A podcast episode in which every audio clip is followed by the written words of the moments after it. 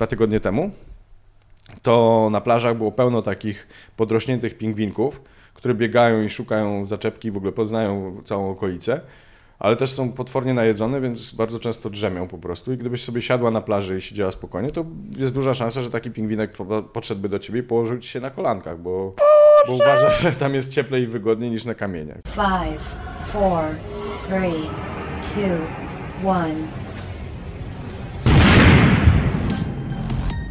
Podcast radioaktywny.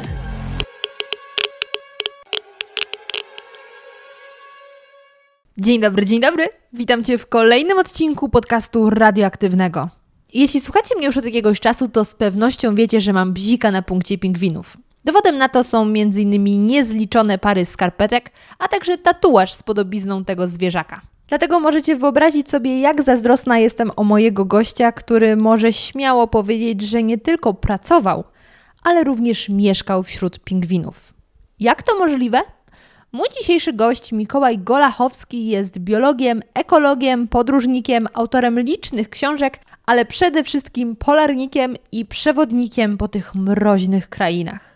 Dzisiejszy odcinek będzie nie tylko małą powtórką z geografii, bo przypomnijcie sobie, jaka jest różnica między Antarktydą a Arktyką, ale przede wszystkim usłyszycie mnóstwo niezwykłych historii związanych z życiem na polskiej stacji antarktycznej. W jaki sposób się tam pracuje, żyje, a także imprezuje. A, no i jeszcze będzie o haremie jednych z największych zwierząt na świecie.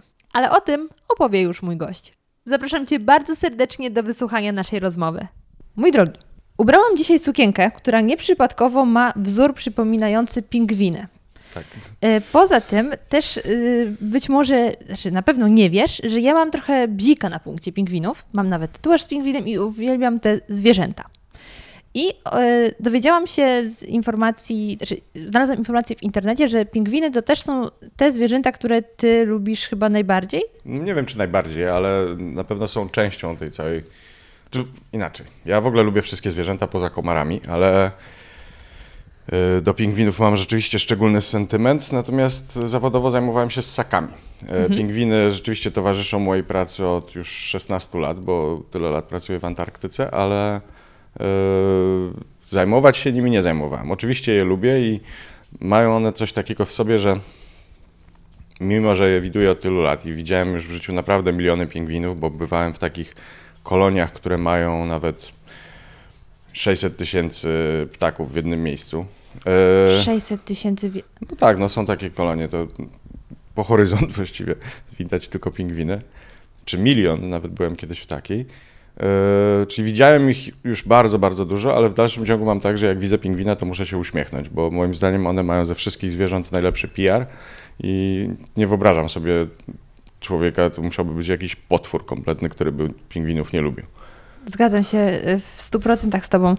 Y, więc myślę, że to już jest dobry moment, żeby powiedzieć ludziom, jaka jest różnica między Antarktydą i Arktyką i Antarktydą Antarktydą. Mm.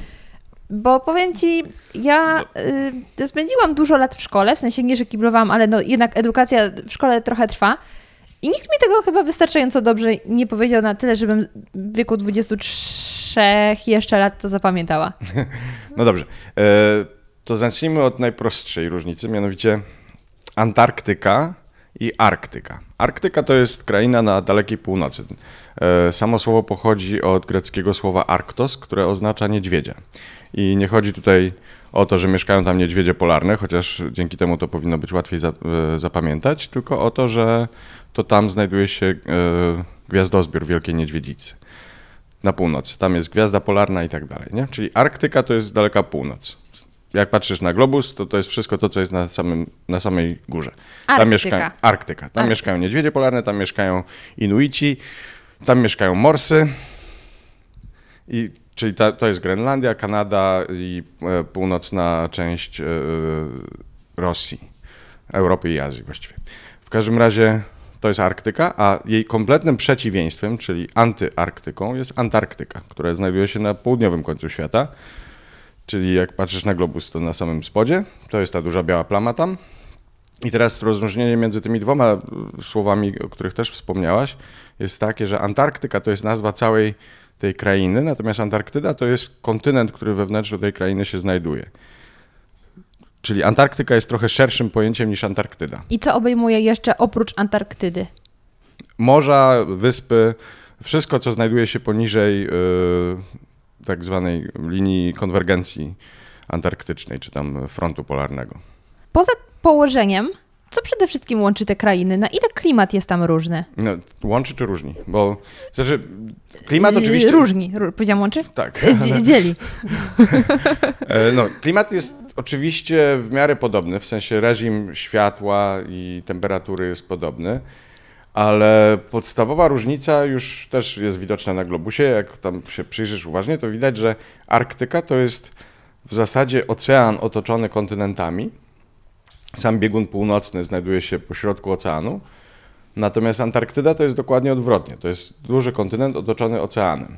I to właściwie rzutuje na całą resztę różnic. Dlatego, że w Arktyce zawsze byli ludzie, w ogóle były wszystkie zwierzęta, które znamy z naszych szerokości geograficznych i rośliny, tylko w, jakby w wersji polarnej, czyli e, jak my mamy lisa rudego, to tam jest e, piesiec, czyli ten lis polarny.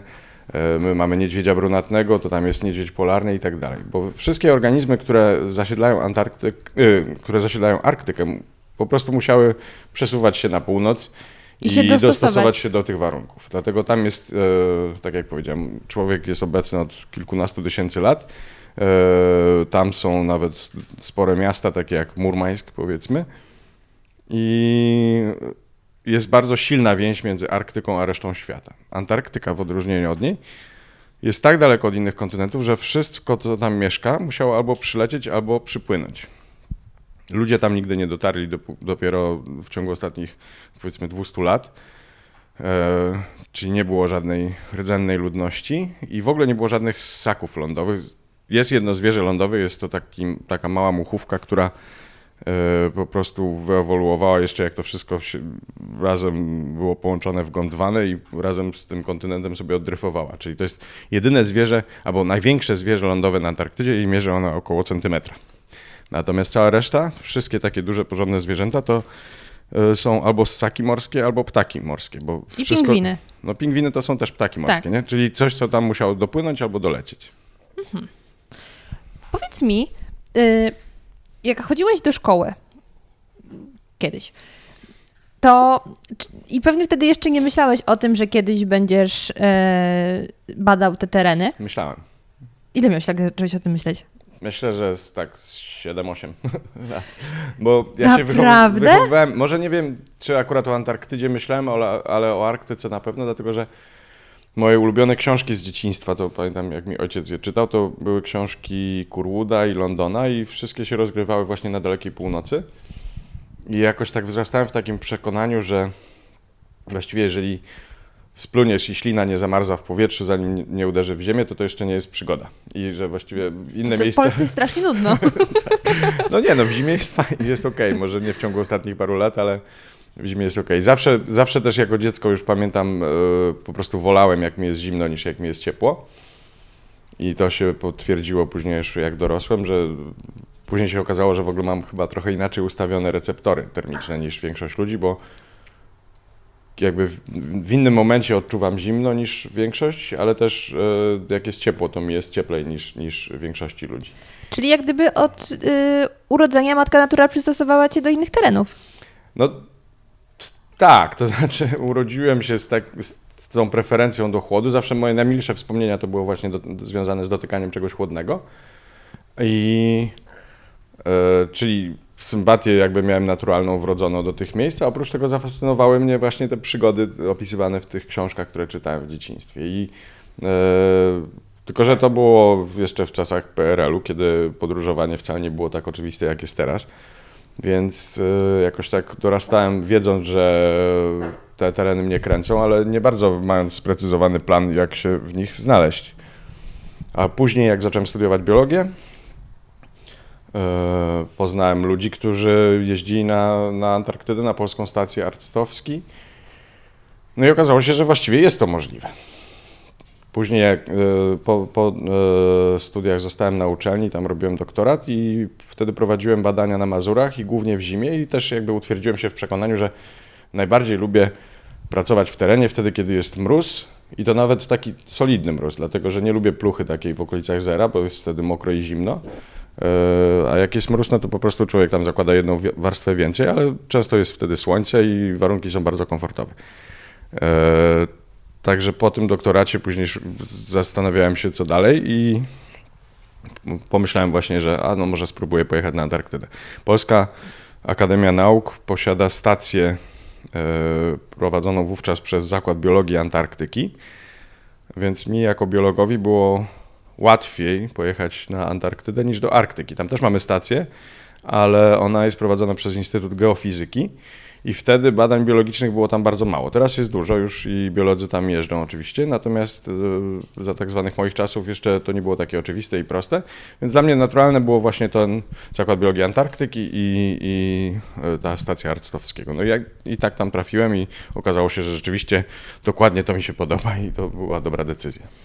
E, to zanim do samych badań, bo tutaj no w ogóle do całego tematu mnóstwo pytań, to dlaczego ja w ogóle tak zaczęłam? Bo chciałam zapytać, na ile to, co przekazywane było ci w szkole, ale takiej szkole nie już na studiach, tylko takiej no, podstawowej, y, później się pokryło z tym, co zastałeś na miejscu, bo y, jak wspominam moje lekcje, no bardziej geografii niż tutaj powiedzmy biologii, to te informacje były takie suche, że tak powiem bardzo były takie mm, niepobudzające w ogóle wyobraźni, że jest właśnie zimno, że tutaj są niedźwiedzi, tutaj pingwiny i, i tyle. I nie wiem, jakoś mnie dlatego to nie zachęciło na przykład, by, żeby tam pojechać z samych lekcji Wiesz co, w szkole. myślę, że to bardzo dużo zależy od osobowości nauczyciela. Ja mm, jakby oprócz tego, że lubiłem te przygody w tych północnych krainach, to też od zawsze lubiłem zwierzęta i właściwie ponoć według legend rodzinnych pierwsze zdanie, które wygłosiłem już dotyczyło zwierząt. E, także te zwierzęta, czy w ogóle szeroko rozumiana biologia zawsze była, była w moim życiu obecna. Oczywiście w liceum, jak każdy normalny człowiek, zastanawiałem się nad polonistyką, anglistyką, archeologią, różnymi rzeczami, ale później jednak stwierdziłem, że nie, jednak wolę być przyrodnikiem w jakimś tam sensie, tylko jeszcze musiałem doprecyzować sobie w głowie, kim konkretnie. I Myślałem o, o, leśnictwie, myślałem o weterynarii, myślałem o medycynie, ale później stwierdziłem, że nie. Biologia to jest podstawa y, tej wiedzy, którą oni stosują, więc jeżeli chcę zrozumieć świat, zrozumieć życie, to, to nie ma lepszego kierunku niż, niż biologia do studiowania. Zresztą sama nazwa biologii to jest biologos, czyli y, życioznawstwo. Prawda? Więc, e, ale Czyli miałem tą pasję w sobie, natomiast miałem też szczęście do wybitnych nauczycielek i zarówno w podstawówce, jak i w liceum miałem bardzo fajne panie od biologii i one nie zgniotły we mnie tej pasji, bo można sobie łatwo wyobrazić, że nawet jeżeli jest jakiś uczeń, który czymś się wybitnie interesuje i trafi na tępego nauczyciela, to po prostu bardzo po, łatwo po jest. Ptokach. Tak, bardzo łatwo jest po prostu E, taką osobę stłamsić i, i tą pasję w niej zdusić. No, ja miałem to szczęście, że to się nie, nie wydarzyło. To teraz y, na chwilkę wrócimy do teraźniejszości, takiej najbardziej, czyli po co właściwie jeździ się tam na badania? Co y, poznawanie tych terenów może nam przynieść? Y, jakie zalety wiedzy o tym, jak płynie tam życie, są najbardziej odczuwalne? Wiesz co, to, to już jest pytanie z zakresu filozofii w zasadzie, bo Super. w momencie, kiedy zastanawiamy się nad tym, co my jako naukowcy określamy jako badania podstawowe, to odpowiedź sprowadza się do tego, że badamy, badamy różne rzeczy, czy, czy jestem chemikiem, czy fizykiem, czy nie wiem, yy, astronomem, yy, czy właśnie biologiem. Badamy różne rzeczy, dlatego że chcemy wiedzieć, Więcej. co to jest. Chcemy lepiej poznać nasz świat. Nie zawsze, czy nawet właśnie bardzo często, zaczynając badania, e, masz nie, nie masz w głowie jakiejś wizji praktycznego zastosowania tego, co poznajesz. No bo no, co, co tu dużo gadać. No, badanie zachowań seksualnych słoni morskich, to jest, czyli to, czym ja się zajmowałem, niekoniecznie musi się przekładać na, na, na, na ratowanie ludzkości w dobie antropocenu. Natomiast badamy rzeczy, bo chcemy je poznać i bo, bo nauka jest pięknym sposobem e, rozumienia świata i, i, i dostrajania się do niego. Ale bardzo często, nawet wtedy, kiedy na to jakby nie liczysz, okazuje się, że nagle odkryjesz coś, co owszem ma jakieś konkretne zastosowania. Czy to będą jakieś chemikalia wytwarzane przez y, jakieś antarktyczne bezkręgowce. To parę lat temu już, nie, nie pamiętam szczegółów, ale pamiętam, że właśnie y, jakiś związek znaleziono wśród y, bezkręgowców żyjących w Antarktyce, który nagle się okazuje, że jest potencjalnie bardzo dobrym lekiem na jakieś formy nowotworów. I tego typu rzeczy, jak naukowcy badają dżunglę na, czy tam las deszczowy w Amazonii, to natykają się co chwilę na takie rzeczy, bo tam jest jeszcze większa ta bioróżnorodność. Także te efekty nagle mogą się bardzo przydać. Mm, I to w bardzo różnych zastosowaniach. Wiesz, badając rośliny, E, ludzie wymyślili, że e, no, można tak skonstruować powierzchnię, żeby się przyczepiała do innych powierzchni i dzięki temu mamy we wszystkich ubraniach rzepy. To jest efekt po prostu badań morfologii roślin, bo, bo rośliny wykorzystują bardzo podobne konstrukcje od lat. Co ty mówisz? Dokładnie. Nauka jest super. Moim zdaniem nauka jest naj, najfajniejsza. No. Ale to powiedz mi w takim razie, co wyszło z twoich badań nad tymi morświnami, tak? Mm -mm. I nie morświnem. Nie, morświn to jest taki niby delfin. Morświn, morfin to jest e, jeden z bardzo nielicznych e, przedstawicieli waleni, które występują w Polsce i to jest no taki, on wygląda jak delfin. Nie, nie jest to delfin technicznie rzecz biorąc, ale krewniak delfinów. To tak jak orzeł nie jest orłem, tylko jest e, orleniem? No, orzeł bielik? Orzeł bielik jest bielikiem, tak. On nie jest orłem rzeczywiście. Tak. E, natomiast no dalej, bo, bo ja mówiłem o słoniach morskich. A, słoń, słonie. słoń morski tak. to jest y, ogromna foka, ale rzeczywiście ogromna. To znaczy tutaj, no tak, między mną a tobą to by się zmieścił jego nos w zasadzie. To znaczy e, on, wielkie samce słoni morskich mogą mieć 6,5 metra długości i mogą ważyć 5 ton, czyli tyle co ciężarówka. 6,5 metra to jest tak jak przekątna tego pomieszczenia. I leżąc, leżąc ten słoń morski, byłby wyższy niż ten stolik. Gigantyczne. One są takie wielkie, że ja czasem sobie myślę, że one wykraczają poza domenę za, zainteresowań biologii i wkraczają w domenę kartografii, bo powinny być zaznaczane na, map, tak, na mapach po prostu jako elementy krajobrazu. Boże, przyroda jest niesamowita, że coś takiego stworzyć. No nie przyroda, no Darwin, ewolucja to, to stworzyła. Oj, no dobra, tak? no ale Darwin też, wiesz. Tak, Darwin też był tworem przyrody, to tak. prawda, jak najbardziej. Natomiast chodzi mi o to, że faktycznie one są gigantyczne i robią ogromne wrażenie i mi się zdarzyło parę razy coś takiego, że mm, przychodziłem na swój teren badań i kątem oka widziałem jakiś, jakiś pagórek, którego wcześniej nie zauważyłem, ale tak sobie jakby od razu automatycznie pomyślałem, a pewnie był ukryty pod śniegiem, nie? Jak się zbliżałem, to ten pagórek nagle podnosił głowę i się okazało, że to jest słoń morski. One są niebezpieczne? Tak, one są te wielkie samce, e, no poza tym, że poza okresem roz, rozrodczym to właściwie głównie są w morzu, a jak są na lądzie to linieją i głównie wtedy śpią. Często można przejść obok nich i w ogóle one na ciebie nie zwrócą uwagi, mhm. natomiast mhm. potencjalnie są niebezpieczne, zwłaszcza właśnie w tym okresie rozrodczym, kiedy buzują ich hormony. Yy... Tylko tyle, że one no nie są takie szybkie jak człowiek. To no znaczy, no właśnie, bo na... jak to się przemieszcza? Do pełza? Tak, ale one są tak wielkie, że dla niego, jak on przełoży głowę z jednego miejsca na drugie, to już jest 3,5 metra dalej, więc one są zaskakująco szybkie. Oczywiście w wyścigach ty byś wygrała, natomiast jak podchodzisz do niego, to on cię bardzo łatwo może zaskoczyć, bo nawet się nie spodziewa, że ktoś, kto leży tam dwa metry od ciebie, że może po prostu się może się do ciebie nagle zbliżyć. I wtedy, no wiesz, ja jestem gruby i ciężki, ale nie ważę pięciu ton, nie? więc szanse w konfrontacji z takim, z takim słoniem są żadne. I ty badałeś ich życie seksualne? Ja badałem ich życie seksualne. Pobierałem od nich próby DNA i musiałem e, właśnie stwierdzić, e, czyje dzieci widzę na plaży. Bo one mają, one mają fascynujący absolutnie system e, ten społeczny i, i te zachowania swoje rozrodcze. Mianowicie to wygląda tak. Na początku, gdzieś tam, tam gdzie powiedzmy ja pracowałem w okolicach stacji Arcowskiego, powiedzmy we wrześniu pojawiają się te, te wielkie samce na plażach. Wracają z morza, gdzie się opychały przez cały czas i teraz między sobą ustalają, kto gdzie rządzi. Czyli jeżeli ja jestem duży i silny, to ciebie nie dopuszczę na jakąś tam odległość, no bo dostaniesz wędki. Więc e, ustalają jakby terytoria. Hierarchię taką No tak, też. wiesz co, ja bym nie chciał tego nazywać hierarchia, bo mi, mi się hierarchia kojarzy z czymś takim jak, nie wiem, w, e, w Watasze Wilków, czy w jakichś takich społecznościach zwierzęcych, które muszą ze sobą współpracować, nie? A Mhm. tutaj, no, jest to hierarchia, jest to e, rodzaj porządku społecznego, natomiast one są od siebie niezależne, tylko tyle, że po prostu każdy wywalcza swój jakiś tam kawałek Czyli one jak gdyby nie do końca tworzą stado, tak? Nie, ja bym ich nigdy stadem nie nazwał. Okej. Nawet jeżeli, mimo tego, że e, rzeczywiście leżą na tej samej plaży i za chwilę będzie ich dużo więcej, to ja bym tego nie nazwał stada, stadem, bo jakoś tak instynktownie dla mnie stado to oznacza coś, co... Jakaś relacja. Tak, jest Tak, jakaś okej. relacja, jest jakaś hierarchia, jest jakaś współpraca.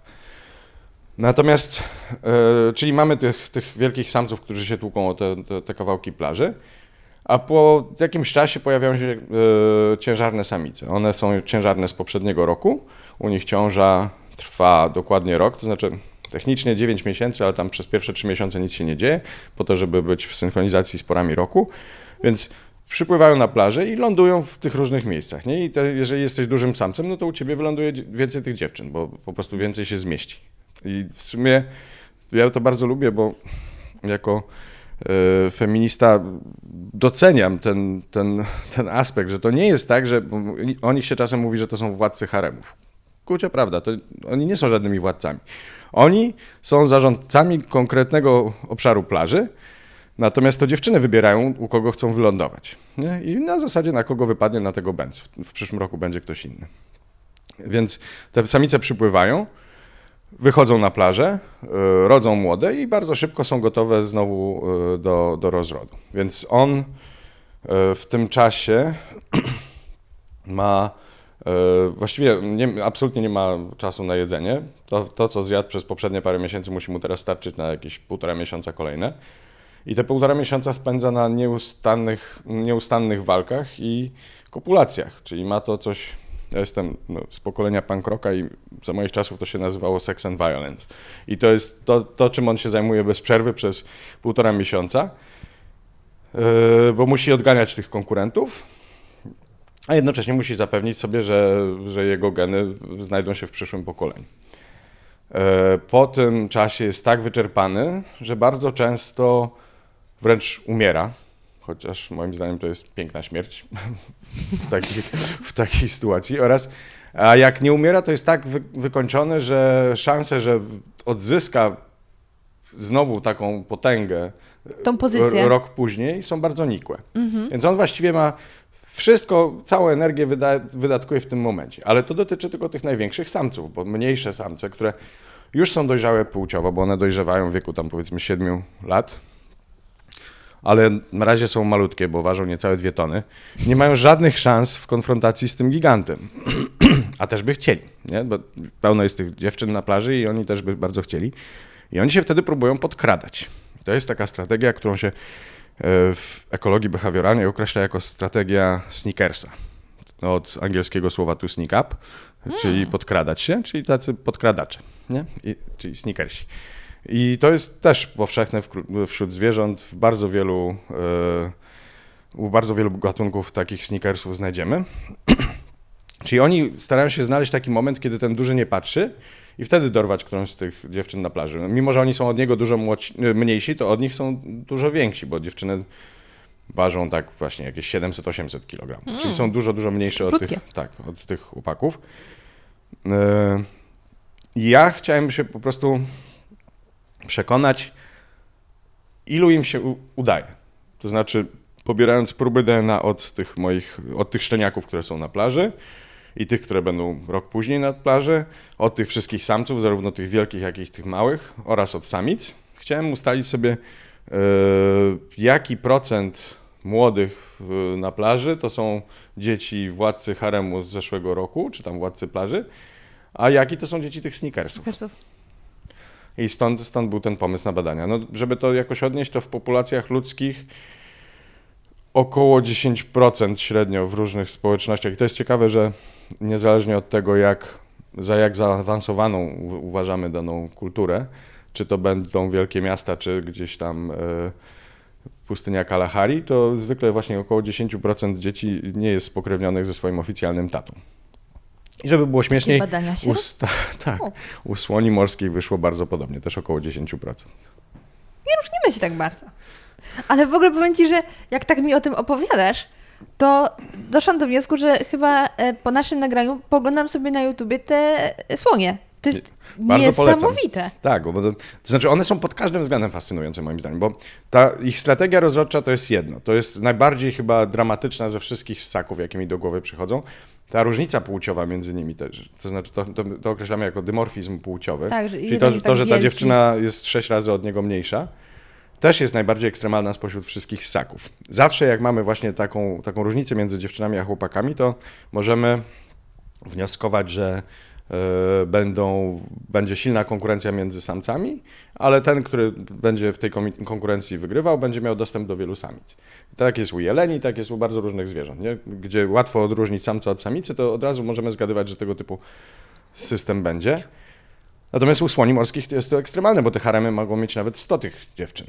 Także to jest, to, to, to, to są ogromne, to już, już sama strategia jest niesamowita, ale słoń morski sam w sobie jest też niezwykłym zwierzęciem. One potrafią, one może nam się wydają takie nieporadne, jak leżą na tej plaży, faktycznie wyglądają jak takie wielkie góry tłuszczu, ale one są niesamowicie sprawnymi pływakami. To, to jest zwierzę, które jeszcze do niedawno było uznawane za rekordzistę spośród wszystkich ssaków, jeśli chodzi o głębokość zanurzenia. E, nie, długość zanurzenia, bo one potrafią nurkować do głębokości 2 km i potrafią pozostawać pod wodą przez dwie godziny. A tak samo jak ty i ja oddychają powietrzem atmosferycznym. E, niedawno się całkiem okazało, że są niektóre walenie, które potrafią i głębiej, i nawet na dłużej, ale bardzo nieliczne. Słuchaj, na nowo rozbudziłeś we mnie takie dziecięce, dziecięcą fascynację po prostu światem. No to się cieszę, Cudownie. bo moim zdaniem właśnie zwierzęta są absolutnie fascynujące. I... Są i w ogóle to jak ten nasz ekosystem cały działa, bo no my jak na przykład szczególnie żyjemy w dużych miastach, no to trochę zapominamy, że jest inny świat. On nie jest inny, widzisz, właśnie że, że... W, tym, w tym tkwi podstawowy błąd człowieka, bo my sobie Najpierw nam to wmówiło chrześcijaństwo, a później jeszcze Kartezjusz niestety to wzmocnił, mm. że my uważamy, że jesteśmy nad. E, nad pozostałymi zwierzętami. Nie, my jesteśmy częścią tego systemu. My sobie uzurpujemy prawa, bo ja też nie mówię, że nie mamy prawa tutaj być. Jak najbardziej jesteśmy częścią systemu, czyli fajnie, że jesteśmy, tylko tyle, że fatalnie traktujemy wszystkich pozostałych e, członków systemu, więc e, bardziej, uzurpujemy o... sobie więcej niż nam tak, się należy. Bardziej mi chodziło o to, że, że jest właśnie życie poza miastem, mhm. e, że są te zwierzęta na wolności i na przykład dla mnie takim przykładem rzeczy, nad którą się zwykle nie zastanawiamy, to, że my na co dzień żyjemy wśród masy zwierząt, przede wszystkim wśród ptaków. No a tak. ludzie zapominają, że to są żywe stworzenia. To jest coś już tak oczywistego, że są ptaki, że się o nich nie myśli. A właśnie jeden z podcastów mam o ptakach i usłyszałam o nich tyle niesamowitych historii, że doszłam do wniosku, że to jest coś, o czym należy myśleć. Absolutnie, tak. I ptaki są fascynujące. Ja akurat zająłem się ssakami, ale ptaki uwielbiam. Eee, I no wystarczy pamiętać, że tak naprawdę to, to są dinozaury. Czyli właściwie to, co niedawno mm, jedna z naszych byłych premierek powiedziała o rzucaniu kamieniami w dinozaury, i słusznie się z niej wszyscy śmiali, to w rzeczywistości, jeżeli by się znalazł jakiś zwyrodnialec, który postanowi rzucić kamieniem w jakiegoś ptaka, no to technicznie rzecz biorąc on właśnie to robi, rzuca w dinozaury, bo ptaki są tą gałęzią dinozaurów, które przetrwały do naszych czasów i właściwie się nie różnią od tych, które żyły Już tam milionów. Już tak samo nie spojrzę na sroki. No, no, na sroki to zawsze trzeba patrzeć z, z tak szacunkiem, tak bo one są przy, przy, okazji są bardzo, bardzo inteligentne. Tak, to, to no, ale słyszałam też, że gołębie są mega gołę, y, inteligentne. To znaczy w ogóle jest tak, że no tak jak mówię, chrześcijaństwo i kartezjusz jeszcze y, jako wzmocnienie mhm. nauczyło nas patrzeć na wszystkie inne zwierzęta, jakby to były jakieś automaty bez duszy, bez, bez uczuć, bez niczego. Natomiast y, no, ty tutaj siedzisz ze swoim psem na kolanach i podejrzewam, że znasz ją i wiesz, że ona ma swoją konkretną osobowość. Nie wiem, czy miałaś do czynienia z innymi psami. Oczywiście. Ale wiesz, że psy jeden od drugiego się bardzo różnią. Ja z kolei mam y, w życiu swoim, miałem dużo kotów ale z psami też się przyjaźnię licznymi i każdy z moich kotów ma zupełnie inną osobowość, inne, inne rzeczy go interesują, inne rzeczy go wkurzają, inne rzeczy mm, inaczej reaguje na różne sprawy i tak dalej. Inne preferencje w ogóle, na przykład nawet jedzeniowe. Tak, dokładnie, więc e, ja uważam, że to jest bardzo żenujące, że dopiero chyba w 2012 roku e, została podpisana taka deklaracja w Cambridge, e, gdzie naukowcy, różni tam neurobiolodzy, psycholodzy zwierzęcy i tak dalej, e, podpisali tą deklarację, w której stwierdzają, że owszem, zwierzęta mają uczucia, owszem, zwierzęta mają osobowość, owszem, zwierzęta mają jakieś tam charaktery i tak dalej, i tak dalej, i tak dalej. Dlaczego uważam, że to jest żenujące? No bo kurczę, co, nikt z nich nigdy nie miał psa albo kota, no bez przesady, no to trzeba być ślepym, żeby tego nie dostrzegać. Nie? Zgadzam się, ale wiesz, co mnie najbardziej uderzyło, kiedy zaczęłam o tym psie myśleć jeszcze bardziej niż, że to jest tylko zwierzę? No. Bo przy takim stereotypowym myśleniu, że to jest tylko zwierzę Mhm. oczywiście, jak zobaczyłam, że ona śni No tak. i że ma koszmar, bo zaczęła skomleć przez sen.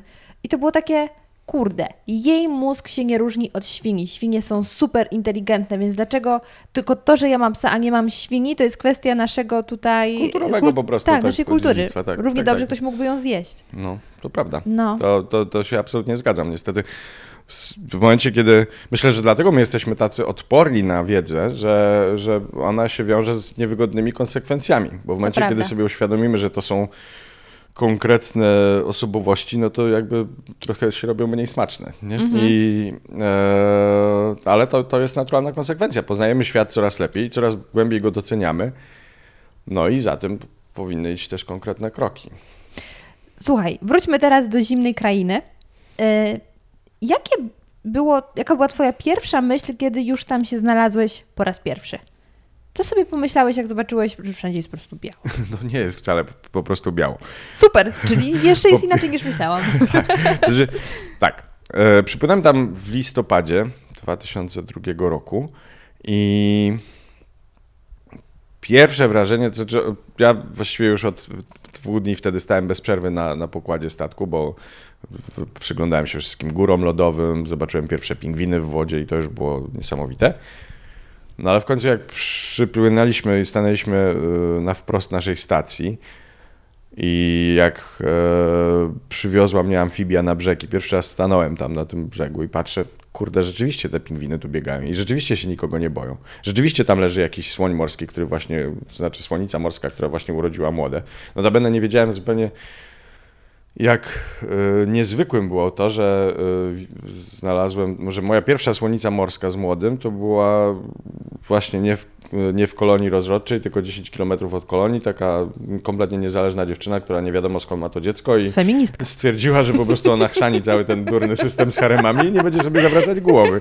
Więc e, i to dopiero parę lat temu pojawił się artykuł naukowy, w którym e, jakby ktoś to wyliczył i się okazało, że około 3% e, w ogóle samic słoni morskich ma, ma ten cały system w nosie. Prawdopodobnie kopulują gdzieś w morzu z jakimiś... e, Przypadkowymi? No, sobie wybranymi chłopakami i tyle, nie? E, więc taką zobaczyłem moją pierwszą samicę. Dopiero później poszedłem do tej kolonii rozrodczej, gdzie tych samic było kilkaset.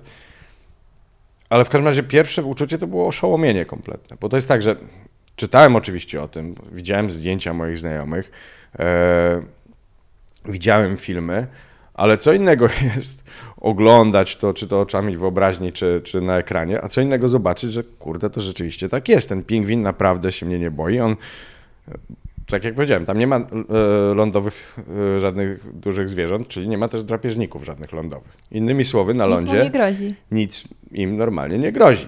Więc pingwin, jak ma ochotę, to do ciebie podejdzie, może cię dziobnąć, żeby zobaczyć, z czego jesteś zrobiona.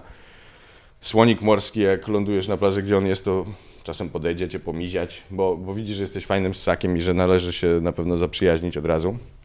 Nie mają lęku. Po prostu podchodzą i już. I no to, to było absolutnie niesamowite. Ale wracając do kolorów, wcale nie jest tak, że jest tam tylko biało. Po pierwsze, akurat my, jak myśmy przyjechali, to była ładna pogoda bardzo.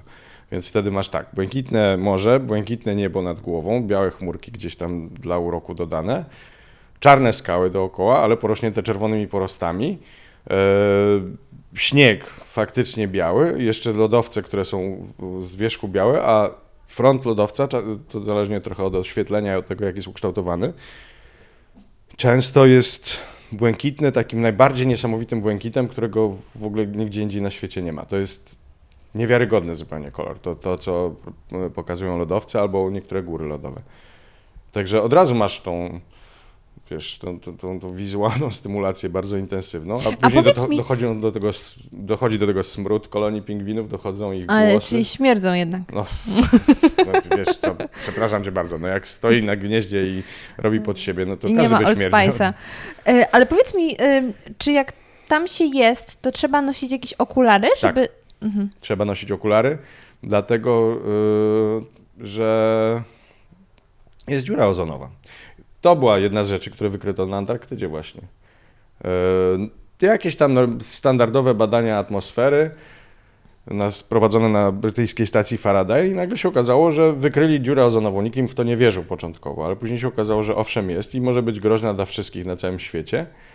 I to był też niesamowity przykład współpracy międzynarodowej, bo tam w latach 80. wszystkie kraje świata praktycznie zdecydowały, że będą, że wycofają z produkcji i zastosowań te te gazy, które tą dziurę ozonową e, powiększały. I ta dziura się stopniowo łata. I z roku na rok jest coraz mniejsza, ale tak czy siak jest, a to znaczy, że jest dużo bardzo niebezpiecznego UV. Słońce w Antarktyce, jak jest, e, kiedy trwa lato, świeci prawie cały czas. W dodatku to się wszystko odbija i od wody, i od śniegu, i od lodu. Więc e, bez okularów można Oślepnąć, nie? No tak, no nawet jest taka jednostka chorobowa jak ślepota śniegowa, natomiast to na, z jednej strony cię to razi, więc jest niekomfortowe, a z drugiej strony po prostu możesz sobie uszkodzić trwale y, oczy. A teraz czas na krótką przerwę. Jeżeli na przykład chcę mieć taką aksamitną piankę na kawie, to idealnie sprawdza się pianka do golenia. Pianka do golenia, która nie ma różowego albo niebieskiego odcienia, tak, tylko zwykła biała, wygląda przepięknie. Wygląda tak po prostu kusząco, że jak latem, robiłam latem taką sesję dla jednej z sieci sklepów, była między innymi kawa, takie cappuccino z pianką i robiliśmy tę sesję przez wiele godzin na dworze, w pełnym słońcu. I po prostu ta pianka do golenia wytrzymywała dwie godziny na słońcu. Wyglądała tak apetycznie, że, że e, osoby, które grały w tej reklamie, że za każdym razem miały ochotę się napić, ale potem czuły zapach tej pianki do golenia i się powstrzymywały. Ale tak, to jest bardzo fajny trik. Takich okropnych rzeczy, których ja akurat nigdy nie używałam i, i, wiem, że tak się robi, ale to jest trochę straszne. Na przykład olej silnikowy jako syrop klonowy do naleśników. Fragment zawierał lokowanie. Lokowanym produktem był podcast Zmacznego.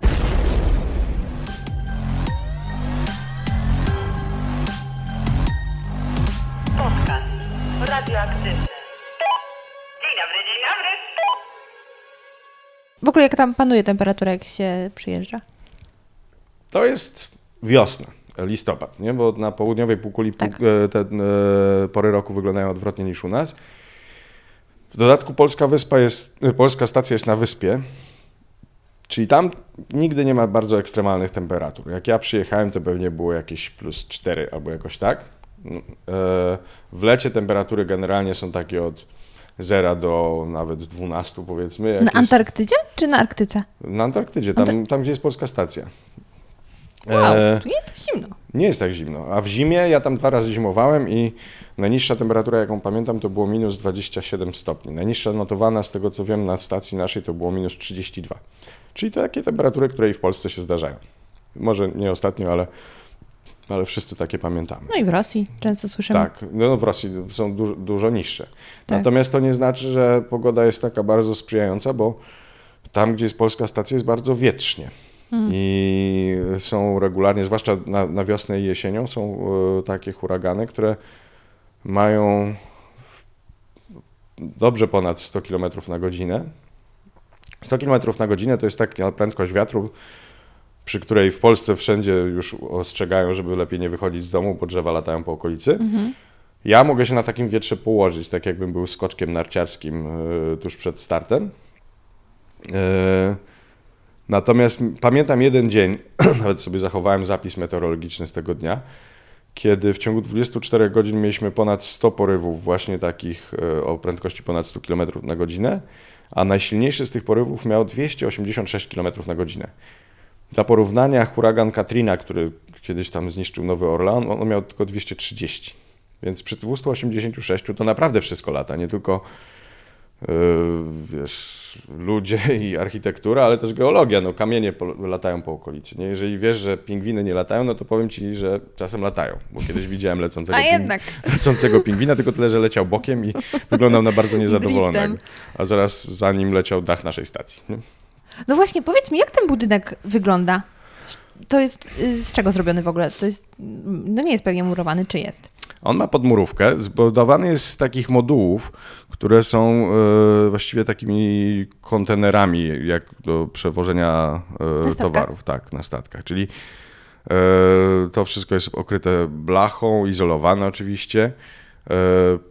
Budynek stoi na słupkach po to, żeby ten wiatr mógł pod nim e, przelatywać też. No, może z zewnątrz nie jest jakiś super atrakcyjny, chociaż ja go bardzo lubię, ale w środku jest urządzony bardzo fajnie. I to myślę, że ktoś, kto zaplanował pokoje nasz, tych polarników na, na Arctowskim, to ja mam dla tej osoby duży szacunek, bo spędzasz tam, wiesz, rok, jak pojedziesz. Pokoik jest bardzo nieduży, on ma chyba 2 metry na 3 metry, ale jest tak fajnie urządzony, że, że właściwie wszystko jest i, i wcale nie czujesz, że, że to jest jakaś ograniczona przestrzeń. E, Sala taka nasza wspólna świetlica, gdzie jemy i się spotykamy, jest cała wyłożona drewnem i to wygląda jak górskie schronisko. Wiem, że teraz to się pozmieniało. Ja na Arcowskim już nie byłem ze 3 lata chyba. E, Wiem, że teraz mają nową kuchnię tam zainstalowaną, więc wszystko jest nowocześniejsze, ale generalnie jest bardzo komfortowo wewnątrz. A ile osób tam naraz przebywa? To zależy od pory roku, bo na lato przyjeżdża do 40 osób. Oni mieszkają wtedy w głównym budynku, ale też w tak zwanych domkach letnich, które są y, w okolicy. Natomiast na zimę, na, ja pierwszy raz zimowałem właśnie w 2002-2003 roku, to wtedy nas było 13. Moje drugie zimowanie było parę lat później i to już było nas ośmioro, nie ośmiu, faceci sami i e, w tej chwili to jest właśnie tak, że około 8-9 osób zimuje. No ale jak tak latem jest 40, no to całkiem można już fajną imprezę zrobić. No tak, tak. Lato jest w ogóle bardzo intensywne pod bardzo wieloma względami, bo też inne okoliczne stacje mają wtedy najwięcej y, personelu.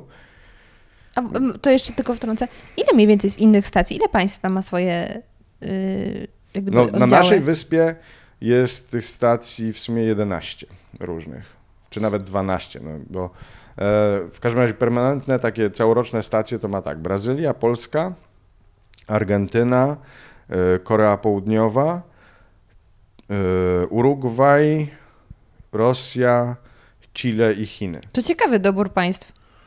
To, ale akurat nasza wyspa jest specyficzna. Jest w pewnym sensie nawet czasem nazywana stolicą Antarktyki, właśnie przez to, że tam się te wszystkie narody spotykają. To jest jedyne miejsce na świecie, gdzie Polska graniczy z Brazylią. Zresztą bardzo przyjaźnie.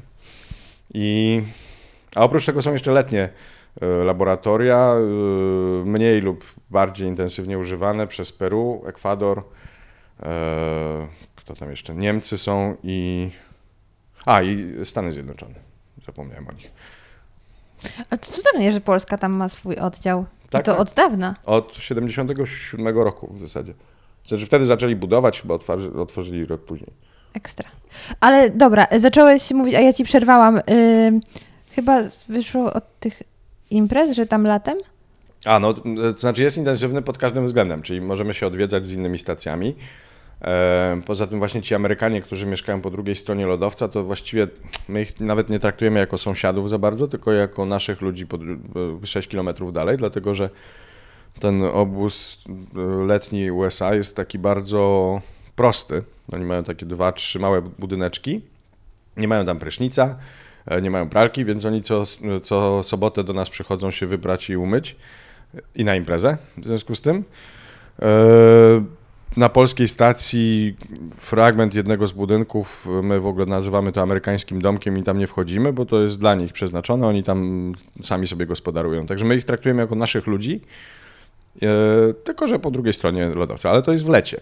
I w lecie też możemy z Brazylijczykami się spotykać i często się spotykamy, bo no co chwila ktoś ma jakieś święto państwowe, nie? Jak nie rocznicę założenia stacji, to dzień, święto dziękczynienia u Amerykanów. Jak nie tłusty jakieś... czwartek, to tłusty wtorek. Dokładnie, więc, więc pretekst zawsze się znajdzie. Nie? Ale to nie jest tak, że my tam jedziemy imprezować, to znaczy imprezy są, okay, są częścią tego życia, natomiast przede wszystkim chodzi o to, że w lecie tam jest po prostu ogromna ilość zwierząt różnych.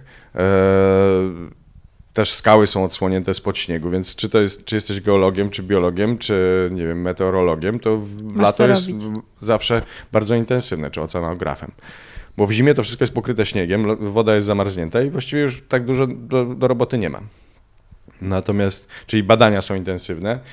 Życie towarzyskie owszem też. Oprócz tego turyści się pojawiają też, e, przypływają tam statkami, więc dużo się w lecie dzieje. Zanim do turystów, bo tutaj też to mnie bardzo interesuje, to powiedz mi jeszcze w takim razie, co tam jecie i jak przygotowuje się zapasy? Ja to tam się często lepiej niż w domu. Zwłaszcza jak ktoś żyje samotnie, bo jeszcze dawniej e, tak jak na mojej właśnie pierwszej wyprawie, myśmy mieli zawsze zawodowego kucharza przez cały rok. Teraz już zawodowy kucharz na cały rok nie jedzie, tylko na samo lato. Mhm. W związku z czym w lecie rzeczywiście jest ktoś, kto to umie robić, a w zimie jak jest nas kilkoro, no to po kolei każdy z nas y, gotuje i dla wszystkich i no wtedy no jakby nie wszyscy umieją. Ja akurat gotuję słabo. Ale zawsze intensywnie ściągałem jakieś przepisy i jakoś tam sobie radziłem i było to bardzo fajne. Także, a jeśli chodzi o zapasy, no to mamy właściwie wszystko, co chciałabyś mieć, poza świeżymi owocami i warzywami, no bo one się nie przechowują za długo, nie? I pamiętam jeszcze też... I tak będą mrożone i tak. No mrożone, mrożone są, nie? No, ale, no. ale y, właśnie jakieś takie rzeczy jak świeże pomidory, czy sałata, czy coś, to dosyć szybko no, tak. znika. E Pamiętam tą radość. Ja zawsze lubiłem pomidory, ale już nigdy nie spojrzę na pomidora w ten sam sposób, bo jak e, właśnie na mojej pierwszej wyprawie, jeszcze mieliśmy wtedy funkcjonującą szklarnię i pojawiły się pierwsze pomidorki gdzieś tam w czerwcu czy lipcu, czyli jakieś pół roku od naszego przypłynięcia i to było kilka miesięcy odkąd miałem pomidora w ustach, to pamiętam, że to były pomidorki no tak, takie, mhm. ze 2 centymetry każdy z nich miał, ich było ich chyba trzy. A nas było 13 do tych pomidorów, więc każdy się tam załapał na trzy cienkie plasterki, ale to była najlepsza rzecz, jaką ja w życiu zjadłem po prostu, ten pomidorek. Także za tym się tęskni. Ale poza tym chleb wypiekamy sobie na miejscu. Mamy też dużo mrożonego jakiegoś tam ciemnego pieczywa. Wszystko właściwie, co ci przyjdzie do głowy, to jest. I zapasów jedzenia jest na one są tak liczone, żeby starczyły co najmniej na dwa lata. Bo co roku przypływa statek, który nas tam przywozi i przywozi też te wszystkie zapasy. Natomiast gdyby się coś stało i ten statek by miał nie przypłynąć z jakichkolwiek powodów, to stacja ma i paliwa, i jedzenia na ponad dwa lata. Statek przypływa raz w roku? Dwa razy, e, bo Przybyła na początku sezonu, przywodząc nas, a później w marcu zabiera letników. Część letników. A początek wcześniej... sezonu to jest? No właśnie początek listopada mniej więcej. Okay. Czyli ten, on wtedy płynie z Polski, wypływa z Polski w październiku, płynie 40 dni. I na tym statku zwykle płyną zimownicy właśnie, że, po to, żeby się poznać, ale też trzeba wtedy przygotować różne rzeczy. Ja pamiętam, że siekaliśmy pietruszki, mroziliśmy to, czy tam jajka trzeba było e, na jednej z wypraw, to, to zależy od kucharza, jak się te jajka przechowuje. Ja na jeden z wypraw pamiętam, że tłukliśmy wszystkie jajka i mroziliśmy je w torebkach foliowych. Takie ugotowane? Nie, nie, nie, ugotowane, surowe. I później z tych torebek się... Ten, Ej, także, ale, dobry pomysł. Ale niepotrzebne zupełnie. Bo jajka w ogóle tego nie potrzebują. Jajka w temperaturze takiej lodówkowej, a my mamy taką jedną właśnie chłodnię i w niej to trzymamy, e, czyli około 4 stopni, to wystarczy, żeby je przewracać do góry nogami raz na tydzień, bo pod wpływem grawitacji żółtko po prostu powolutku sobie opada w tym mhm. jajku. Jak zacznie dotykać skorupki, to, to się zaczyna psuć. Więc był ktoś, czy, czyje zadanie polegało na tym, żeby raz na tydzień odwracać wszystkie skrzynki z jajkami do góry nogami. I prawie rok po e, rozpoczęciu wyprawy no ilość tych zbuków rzeczywiście no trochę tam wzrosła, powiedzmy tak było, że jak już robiła się jajecznicę właśnie gdzieś pod koniec wyprawy, no to trzeba było każde jajko najpierw powąchać, nie, żeby sobie nie zepsuć wszystkiego. Ale Ja To nie było niecałe 10%. Że jajka są aż tak nie, jajka są doskonałe. Jabłka zresztą też. Jabłka w takiej temperaturze też mogą miesiącami leżeć i nic im się nie dzieje. Także niektóre rzeczy możemy przechowywać bardzo długo. Nie? Ale wracając do tego statku, no, czyli polarnicy, ci zimownicy właśnie na ogół płyną z Polski. Później zatrzymujemy się gdzieś w Argentynie. Y, Czasem jest to Buenos Aires, czasem jest to taki port, który się nazywa Mar del Plata i tam y, przyjeżdżają y, letnicy, czyli ci, co na krócej trochę jadą na wyprawę. Oni dolatują sobie do Buenos i stamtąd dostają się do statku. I ostatnie 10 dni już spędzamy wszyscy razem. Ten statek przypływa na Arstowskiego, parę dni trwa rozładunek, po czym on zabiera tą ekipę, która właśnie tam skończyła zimowanie i wraca do Ameryki Południowej. A potem, jak się kończy sezon letni, czy jakoś tak w marcu, statek przypływa do nas znowu i zabiera pozostałych letników. Ile razy już tam byłeś? Na stacji czy na Antarktydzie? A no właśnie, to jeszcze dwie różne rzeczy. Znaczy, wiesz co, ja szczerze mówiąc nawet nie... um- No, na stacji to jest łatwe do powiedzenia, bo brałem udział w czterech wyprawach. Czyli dwa razy byłem tam przez cały rok, mm, czyli dwie zimujące wyprawy i dwie tylko letnie. Eee, tak, czyli mieszkałem na stacji na czterech różnych wyprawach, wszystkie się różniły trochę długością. W sumie na tej stacji przeżyłem niecałe 3 lata, jakby tak pododawać. Natomiast y, w, w, no, na Antarktydzie pracuję od 16 lat i teraz pracuję tam jako przewodnik turystyczny, więc tam pływam co roku. y, I właśnie dlatego, jak ktoś się mnie pyta, ile razy byłem na Antarktydzie, to nie wiem, co powiedzieć, ponieważ nie wiem, co liczyć jako jeden raz. Dlatego, że jak mam sezon turystyczny, no to y, jest wycieczka za wycieczką. Każda trwa powiedzmy 10 albo 20 dni, zależnie od trasy, więc też nie wiem, czy każdy, każdy z tych przypłynięć liczyć jako raz, czy sezon po prostu. Wolę myśleć o sezonach, więc pracuję tam od 16 lat. Kawał czasu. Dobra, to przejdźmy teraz do tego, tej gałęzi turystyki, która jest dla mnie niesamowitą, bo nie spodziewałam się, że naprawdę tam można pojechać. Myślałam, że to jest dalej trochę takie science fiction, jak wiesz, wycieczki na Marsa. Nie, no to są wycieczki dla emerytów często nawet. Znaczy, no... e, przekrój społeczny jest różny, są tam ludzie z różnych krajów, ale nie, przynajmniej taki pobyt na statku, no nie wymaga od ciebie jakiejś e, super sprawności czy czegoś takiego. Nie? Musisz być w stanie zejść po schodach, nie wywracać się co kroku, no najlepiej, żebyś nie była na wózku. Ale nawet kiedyś mieliśmy też e, turystkę na wózku i też jakoś sobie radziła. Myśmy ją tam z dźwigiem zestawiali w, w łodzi i mogła sobie popływać i to było super.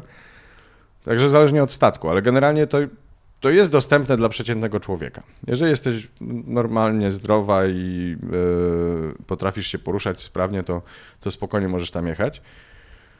E, Jedyną zaporą jest cena, podejrzewam, bo, bo to, to nie są tanie wycieczki. Na statku, no ale z tego statku się nie schodzi gdzieś? Schodzi się. Znaczy, owszem, pływały kiedyś, już na szczęście ich nie ma w Antarktyce, bo to było kompletnie bez sensu. Pływały takie monstra, których ja nienawidzę, takie statki, które mają tam po 3,5 tysiąca pasażerów. U. Oni w ogóle nie siadają nigdzie, oni tylko pływają sobie i ich doświadczenie polega na tym, że z daleka gdzieś widzieli coś białego i ktoś im powiedział, że to jest Antarktyda, a tak naprawdę większość tych turystów tam jest po to, że, że tam jest e, kasyno i strefa wolnocłowa. Więc... Czyli to tak samo jak te y, statki, które sobie wokół tutaj morza. Śródziemnego, tak. Tak, Tylko, że pływają. oni przynajmniej lądują, bo tam są porty, a w Antarktyce nie ma żadnych portów, więc Aha. oni właściwie siedzą na tym statku. No i nawet ja się kiedyś w wyniku pewnej katastrofy znalazłem na takim statku, bo statek, na którym ja pracowałem, wpadł na skałę i musieliśmy być ewakuowani wszyscy i Przeżyłeś Titanica. tak. E, efekt jest taki, że e, po paru dniach pobytu tam na stacji chilijskiej e, właśnie jeden z tych potwornych e, liniowców zabrał nas do Ameryki Południowej. Dlatego miałem okazję być na czymś takim. W życiu nie chciałbym się znaleźć znowu na takim statku. I ja pamiętam rozmowy nawet z turystami, oni nie mieli pojęcia, gdzie są.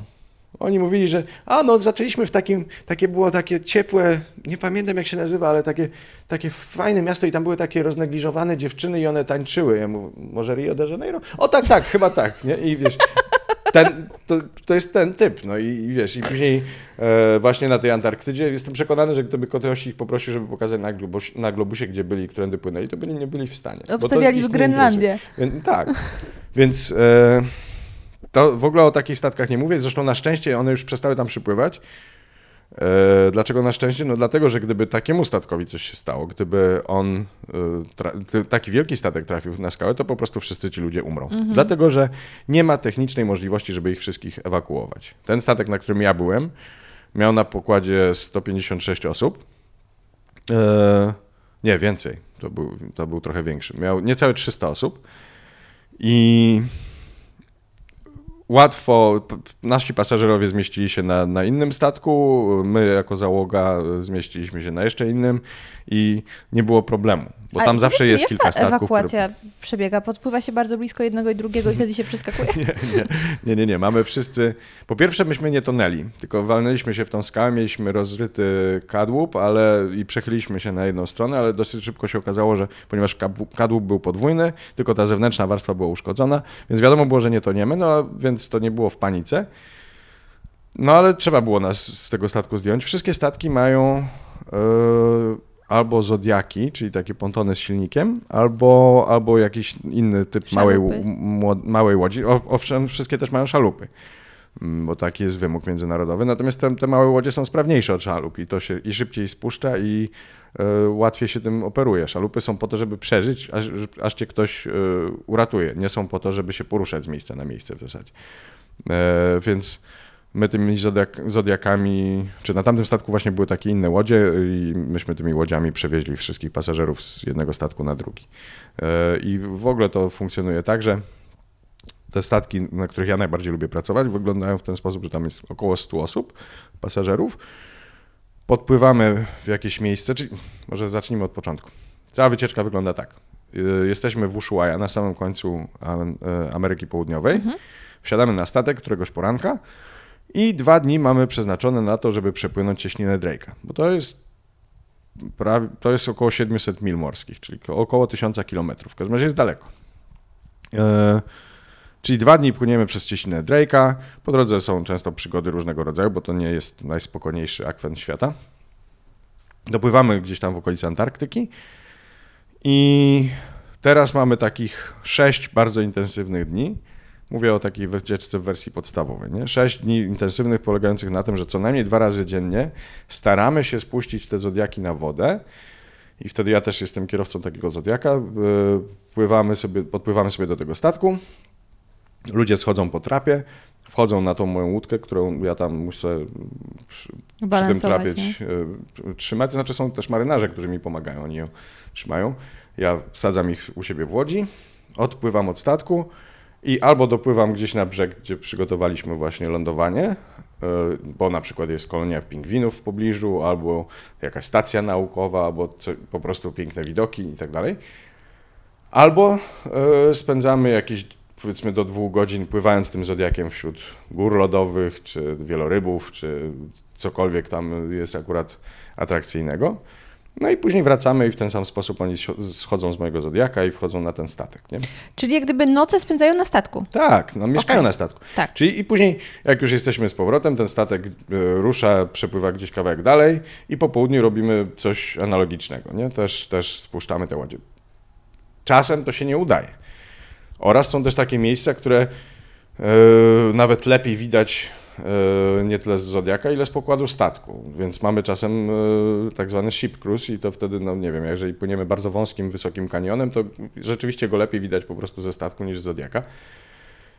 E, a czasem się nie udaje spuścić tych Zodiaków, bo pogoda nam na to nie pozwala, więc to jest też jeden z aspektów tej turystyki, który bardzo sobie cenię, mianowicie w ogóle Antarktyka ma to do siebie, że uczy pokory wobec przyrody. Bardzo jednoznacznie widać, że to nie my jesteśmy najsilniejsi. I to dotyczy oczywiście pracowników stacji, dotyczy takich ludzi jak ja, którzy zajmują się teraz właśnie oprowadzaniem tam ludzi. Dla mnie Antarktyka jest miejscem pracy po prostu, ale też dotyczy, dotyczy tych turystów. I dla nich to jest myślę szczególnie cenne, dlatego że to często są bardzo bogaci, wpływowi ludzie. Mamy co jakiś czas, jak nie jakiegoś następcę tronu, to jakiś tam szefów wielkich korporacji albo, albo jakieś gwiazdy roka. I oni są często przyzwyczajeni do tego, że decydują o wszystkim, bo mają pieniądze, mają swoją pozycję i tak dalej. I dużo A rzeczy później- jest pod nich robione. Tak, a później nagle przypływają na Antarktydę i okazuje się, że możesz mieć wszystkie pieniądze świata, ale i tak tam nie wylądujesz, bo właśnie wiatr jest za silny i w związku z tym są za duże fale. Albo bo, nie wiem, cała plaża jest zawalona lodem i nie ma jak tam podpłynąć. Więc nawet ci ludzie w pewnym momencie muszą sobie uświadomić, że, że jednak wobec przyrody są niczym. Są ba- bardzo malutcy. I to jest fantastyczne, jak widać tą przemianę w ich oczach. Ja uwielbiam właśnie patrzeć na ten na taki zachwyt, bo oni z tego swojego świata, wiesz, e, gdzie, gdzie wszystko rozumieją i wydaje mi się, że wszystko kontrolują, trafiają w miejsce, które ich przerasta. I to jest cudowne. Znakomita większość tych ludzi, z którymi ja pracuję, reaguje bardzo pozytywnie na tego typu doświadczenia. Ja przez 10 lat pracy, czy 11 już w tej chwili, spotkałem dosłownie dwie osoby, które bym nazwał wulgarnym słowem, gdybym używał wulgarnych słów. E, durne i bardzo, bardzo aroganckie. Właściwie do tego się to sprowadzało, że oni byli niegrzeczni nawet nie wobec nas, tych przewodników, tylko wobec e, ludzi w restauracji na statku albo wobec marynarzy. Wiesz, wywyższali się. Żeby jednak gdzieś zaznaczyć to, że oni są ponad. Tak, to znaczy tak, jakby, wiesz, i to jest, no już, to jest karygodne pod każdym względem, Tak. dlatego że no nie można być nieuprzejmym wobec ludzi, po prostu, kropka, nie? Ale bycie nieuprzejmym wobec kelnera albo marynarza, który cię co jakiś czas łapie, żebyś nie wpadł do morza, jest po prostu również głupie. I tyle, prawda?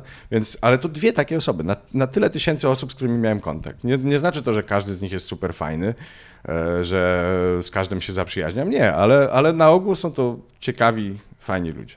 Ale to wspaniałe, że o tym mówisz, bo y, przed naszą rozmową zapytałam moich y, patronów, czy mają do Ciebie jakieś pytania. Jedno z pytań dotyczyło właśnie to, jak zmienia się spojrzenie na cały ekosystem i takie postrzeganie trochę świata po takich wizytach, y, trochę w ekstremalnych momentami warunkach i, i super, że jakaś taka iskierka jest u tych ludzi. Myślę, że tak. I też miałem yy, kiedyś, to parę lat temu już było, cały statek nasz został wynajęty przez grupę przedsiębiorców. Myśmy byli ostrzeżeni wcześniej, że przyjeżdża bardzo specyficzna grupa i mają specyficzny plan. Wyczarterowali cały statek. yy, To była grupa przedsiębiorców z Australii. Prowadzona była przez tamtejszego miliardera, który przeszedł tą klasyczną karierę od pucybuta do właśnie miliardera i był guru całej tej grupy. E, Pozostali byli tylko milionerami, więc dużo ubożsi od niego. A i to pewnie nie wszyscy. Nazwali się The Unstoppables. Niepowstrzymani albo nie do zatrzymania. Tak? I pierwsza rzecz, która się tym Unstoppablesom przydarzyła, to było to, że utknęli w Punta Arenas na 48 godzin, bo samolot, którym mieli dolecieć do nas na Antarktydę, bo są też takie wycieczki, które tam przylatują samolotem, nie mógł się ruszyć ze względu na pogodę. E, I mało co nie zatrzymał. Mało co nie odwołali całej wycieczki, ja uważałem, że to było cudowne, ale niemniej jednak w końcu dolecieli. Byli z nami, to była taka dłuższa wersja wycieczki, więc tam byli chyba z 10 dni już na samym statku i mieli taką wizję, że to oni będą mieli e, rankami konferencje, jakieś swoje warsztaty, jak zarabiać pieniądze. Ten, ten, ten miliarder główny sformułował, pamiętam w takim przemówieniu e, na początku, że e, na koniec tej wycieczki będziemy bogaci o tam trylion dolarów, czy coś takiego, w wyniku tych kontaktów i tego wszystkiego, co tam będą robić. Nie? I mieli te swoje konferencje, my pływamy, myśmy byli nie, niewiarygodnie sfrustrowani, no bo oni są tam zamknięci, a my tutaj płyniemy, wiesz, po najpiękniejszych miejscach w Antarktyce, albo na przykład mamy stado orek tuż obok burty, nie? Orki z nawet- mojej orki. Moja ulubiona piosenka. Moja też. I nie możemy, wiesz, nie możemy nawet ich zawołać, bo nie można im przeszkadzać w konferencji, nie? A po południu, okej, mają ten program właśnie do, do zwiedzania. Ale nie wszystko da się tak ustawić, żeby właśnie tylko na popołudnia zostały to najfajniejsze miejsca. Zresztą tam wszystkie miejsca są najfajniejsze. Więc tracili, powiedzmy, połowę już atrakcji Antarktyki przez, to, przez te swoje durne konferencje. Ale najfajniejsze było właśnie obserwowanie, jak przez te parę dni oni zaczynają iść, coraz więcej tych ludzi wychodzi na wagary. Bo coraz więcej sobie ludzi uświadamiało, że kurde, moment, taką konferencję to my możemy mieć w dowolnym miejscu na świecie. Tak. To jest miejsce inne niż jakiekolwiek inne. I oni z nami byli później już na tych zewnętrznych pokładach. Tam ci cały czas się kisili w swoim sosie, ale już pod koniec to połowa tych uczestników tej całej konferencji była z nami na zewnątrz i też podzielała nasze frustracje. Nawet z tego, co pamiętam, dla nich, dla nich w końcu zrobiliśmy też jakieś tam zejście ze statku, bo, bo chcieli bardzo i powiedzieli, że... Bardziej tego tracimy- doświadczyć. No, oczy, oczywiście. Także e, nawet tym ludziom, którzy naprawdę, no zamiast źrenic mają tylko dolary, nagle się okazało, że, że nie, że jednak są ciekawsze rzeczy, że i oni zresztą, ja może mówię o nich trochę krytycznie, ale też mnóstwo tych ludzi to byli bardzo fajni ludzie, no bo wielu z nich się dorobiło y, własnym sumptem przez własną pomysłowość. I okej, okay, no ja jakby nie podzielam takiego światopoglądu, że bogacenie się jest głównym celem w życiu, ale nie zmienia to faktu, że to byli ludzie inteligentni, niektórzy bardzo wrażliwi. Dużo z nich miało bardzo ciekawe życiorysy i bardzo ciekawe rzeczy do opowiedzenia. I z tego co pamiętam, nawet z częścią dalej jestem w kontakcie. No, to już było parę lat temu, więc może nie jest to jakiś ścisły kontakt, ale na fejsie na przykład się znamy dalej. Nie? I, I z nimi rozmowy były kapitalne. I, I ja myślę, że bardzo wielu z nich właśnie się tak trochę otrząsnęło i zorientowało się, że w świecie są też inne rzeczy niż zarabianie Że właśnie pieniędzy. jest coś więcej. Mhm. Wow. A to jednocześnie to są też ludzie, którzy są wpływowi i oni później jak z taką świadomością wracają do domu, to mają realny wpływ na różne decyzje, czy to rządu australijskiego, czy amerykańskiego, czy jakiegokolwiek innego. Właśnie powiedz mi, jak taka turystyka, albo może najpierw pierwsze pytanie, jak to jest duża skala tej turystyki? Ile tam ludzi się w ciągu roku gdzieś kręci? Kilka tysięcy ludzi e, na statkach w ciągu sezonu i niestety to ma zamiar wzrosnąć, co będzie się wiązało z konkretnymi e, utrudnieniami. Na pewno będzie tym ludziom gorzej, a podejrzewam, że przyrodzie też. No właśnie chciałam zapytać, jak się ma do tego ekosystem? Przede wszystkim te rejony, do których docierają turyści, są mm, e, czy jakby eksploatacja tych rejonów jest ograniczona bardzo konkretnymi przepisami. Na przykład w danym miejscu nie może być nigdy więcej niż 100 osób na, na lądzie. E, dane miejsce może być odwiedzane powiedzmy przez 200 osób w ciągu całego dnia, albo czasem więcej trochę. W każdym razie mm, po jakiejś tam porze nie wolno odwiedzać tych miejsc, żeby zwierzęta miały okazję odpocząć. Więc już są bardzo silne ograniczenia. I zadanie właśnie tych szefów tych naszych ekspedycji polega na tym, żeby też się unikać wzajemnie, bo e, nie możemy się nagle we dwa statki znaleźć w tym samym miejscu, więc oni mają tam e, system taki bukowania sobie tych miejsc. Więc e, nie jest tak, że nagle, wiesz, pojawia się horda tysiąca ludzi na, nad jednym biednym pingwinem. Druga rzecz jest taka, że są też bardzo konkretne zasady dotyczące ochrony przyrody, czyli na przykład nie można się zbliżać do żadnego z tych zwierząt na mniej niż 5 metrów, a do niektórych z nich nie można się nawet na 30 metrów zbliżyć, jeżeli to są na przykład gniazdujące petrelce olbrzymie. Petrele to są takie wielkie ptaki, które się właściwie niczego nie boją, ale na gniazdach są wyjątkowo płochliwe. Hmm. I nie można im przeszkadzać. Nie? 30 metrów to jest dosyć duży dystans i wtedy one są jeszcze wyluzowane. E, więc my nie możemy wchodzić tym zwierzętom w drogę. Zwierzęta zawsze mają pierwszeństwo. Jeszcze przed pierwszym lądowaniem e, robimy bioasekurację, czyli te procedury takie właśnie bezpieczeństwa biologicznego, czyli dosłownie odkurzamy odkurzaczem wszystkie rzeczy, które musisz umyć buty, ale też twoje spodnie, twoją kurtkę, e, torbę na, na aparat i tak dalej, i tak dalej, żeby żadnych, żadnych nasion e, obcych nie, tam nie przywieźć. I mamy też zajęcia z nimi w ciągu tych pierwszych dwóch dni, kiedy płyniemy przez ocean. Oprócz takiego programu edukacyjnego, ja na przykład tam opowiadam o wielorybach, o fokach, ktoś inny o ptakach, ktoś o historii, to mamy też pół dnia poświęconego na yy, przepisy dotyczące ochrony środowiska, na te procedury właśnie bioasekuracji i tak dalej. Czyli już jest silne ograniczenie. Po drugie, tak jak wspomniałem wcześniej, te zwierzęta tak naprawdę się nas nie boją, więc mhm. E, nawet były kiedyś takie badania, dosyć może one brzmią śmiesznie, ale e, w latach chyba jeszcze 90. E, poznałem taką, poznałem ją dużo później, ale moja koleżanka robiła doktorat chyba z Uniwersytetu w Cambridge albo gdzieś z Wielkiej Brytanii. I między innymi właśnie chodziło o wpływ ruchu turystycznego na, na pingwiny, na ich samopoczucie. I pamiętam, że częścią tych badań było to, że ona podkładała pingwinom sztuczne jajo, które monitorowało tempo ich pracy ich serca, czy generalnie w jakiś sposób mierzyło stres tego pingwina, -hmm. po czym chowała się z koleżanką za kamieniem i nagle wyskakiwała za tego kamienia z głośnym ła. okazało się, że pingwin panikuje śmiertelnie przez jakieś 13 sekund, po czym nagle już, wiesz, no każdy by spanikował, jakby nagle ktoś wyskoczył. Nie chodzi o to, czy masz wrogów, czy nie, po prostu nagle coś się dzieje niespodziewanego.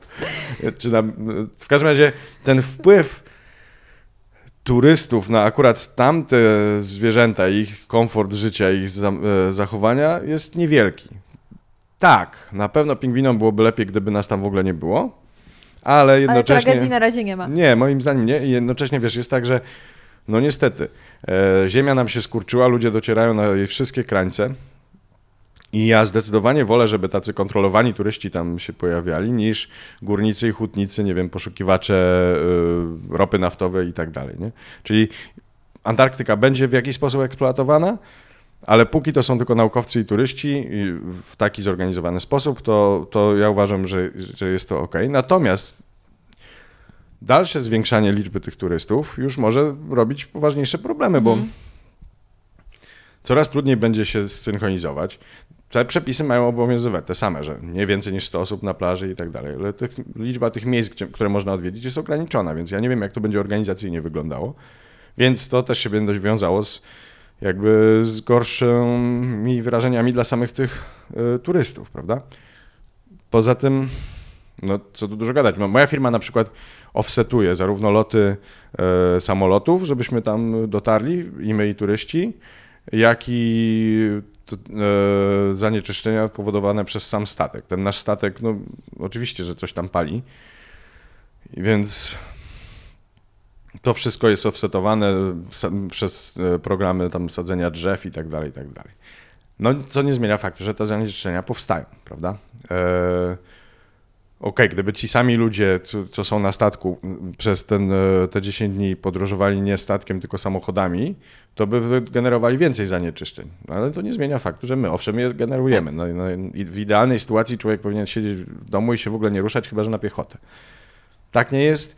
Ja sobie, oczywiście to można nazwać, wiesz, redukcją dysonansu poznawczego, nie? że ja sobie jakoś muszę usprawiedliwić to, co robię. Tak.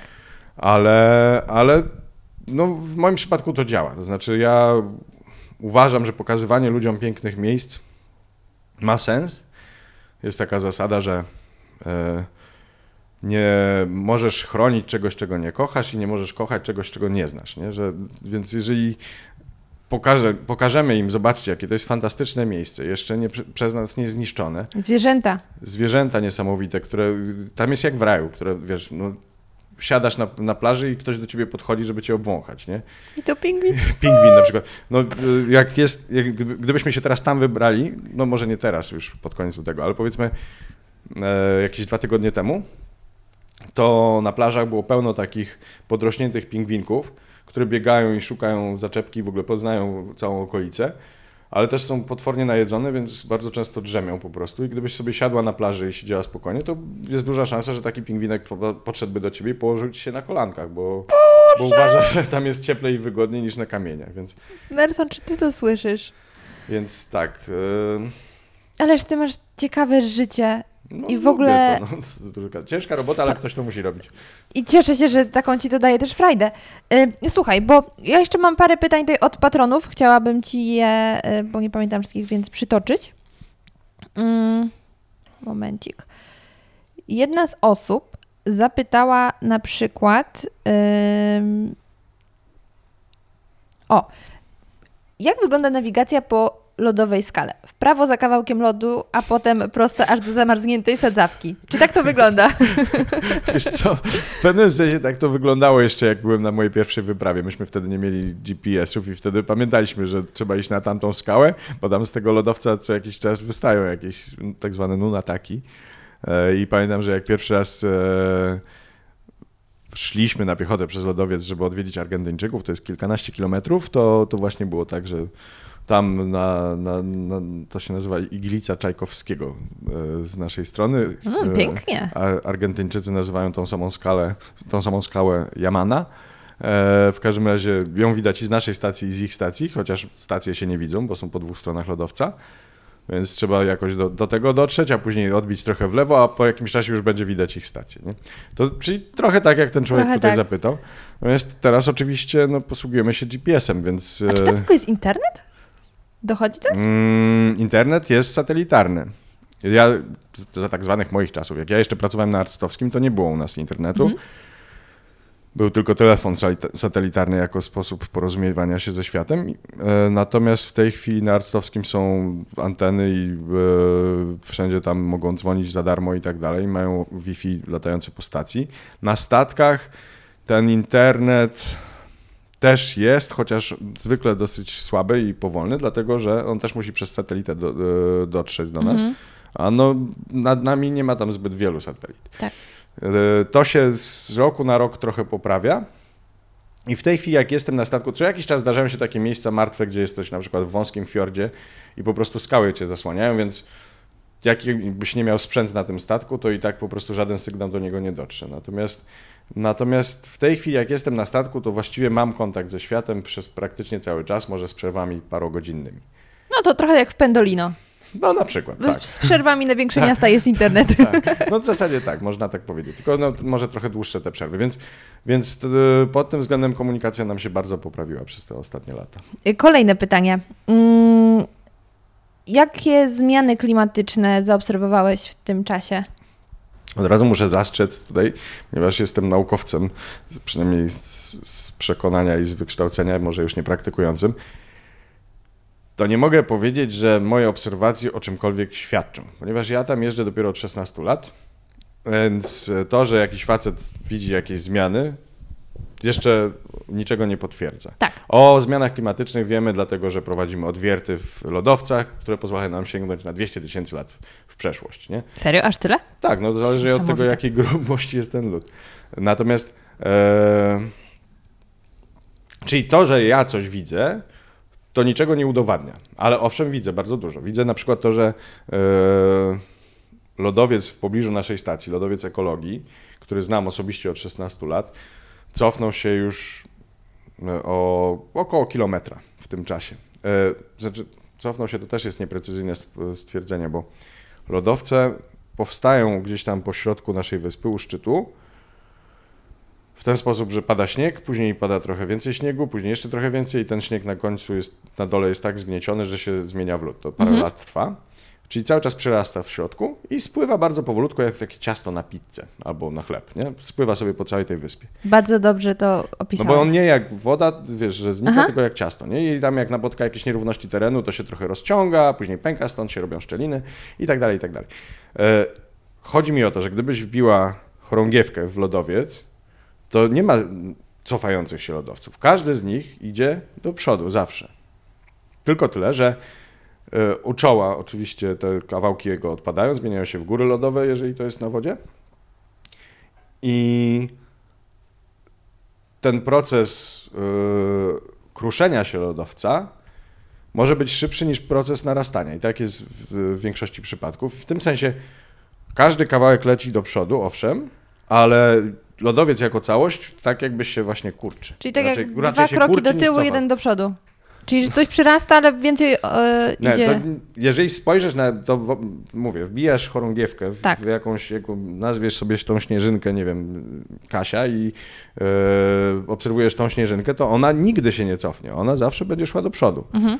Każda bryłka lodu zawsze idzie do przodu, tylko tyle, że jako całość po prostu odpadają od nich e, fragmenty i w tym sensie on się kurczy bardziej niż cofa. Także takie coś obse- obserwuję. Obserwuję to, że jest więcej ciepłych dni. Parę lat temu było 14 stopni w okolicach Półwyspu Antarktycznego i to był rekord ówczesny. Podejrzewam, że on już teraz został pobity. E, Widać też rzeczy, zmiany w składzie fauny. Na przykład e, widzimy więcej żachw. To są takie małe, przeźroczyste zwierzątka, które sobie pływają w wodzie i właściwie ich nikt nie zjada. W stosunku, a kiedyś było więcej kryla. Takie rzeczy można zauważyć. Poza tym, jeżeli już się bada e, konkretne organizmy, to na przykład w Antarktyce trwa inwazja krabów królewskich, które wcześniej mieszkały sobie w okolicach Patagonii. One lubią chłodne wody, ale nie takie zimne jak Antarktyda. A teraz jak się trochę ociepliło, wlazły na e, ten płaskowyż antarktyczny i e, czy tam szelf i zjadają wszystko, co jest dookoła, bo kraby mają potężne szczypce, a miejscowe zwierzęta, to bardzo liczne skorupiaki, tam mięczaki, one nigdy nie miały takiego drapieżnika, który by je zgniatał właśnie. Mają dosyć, tak, mają dosyć cienkie skorupki. One sobie świetnie radzą z temperaturą, ze światłem, z różnymi rzeczami, ale nigdy nie miały wroga, który by je po prostu zgniatał w ten sposób. Także to jest taki szwedzki stół dla, nie, dla tych krabów. Nie? I to jest zmiana, która się toczy dosłownie od paru lat. Hmm.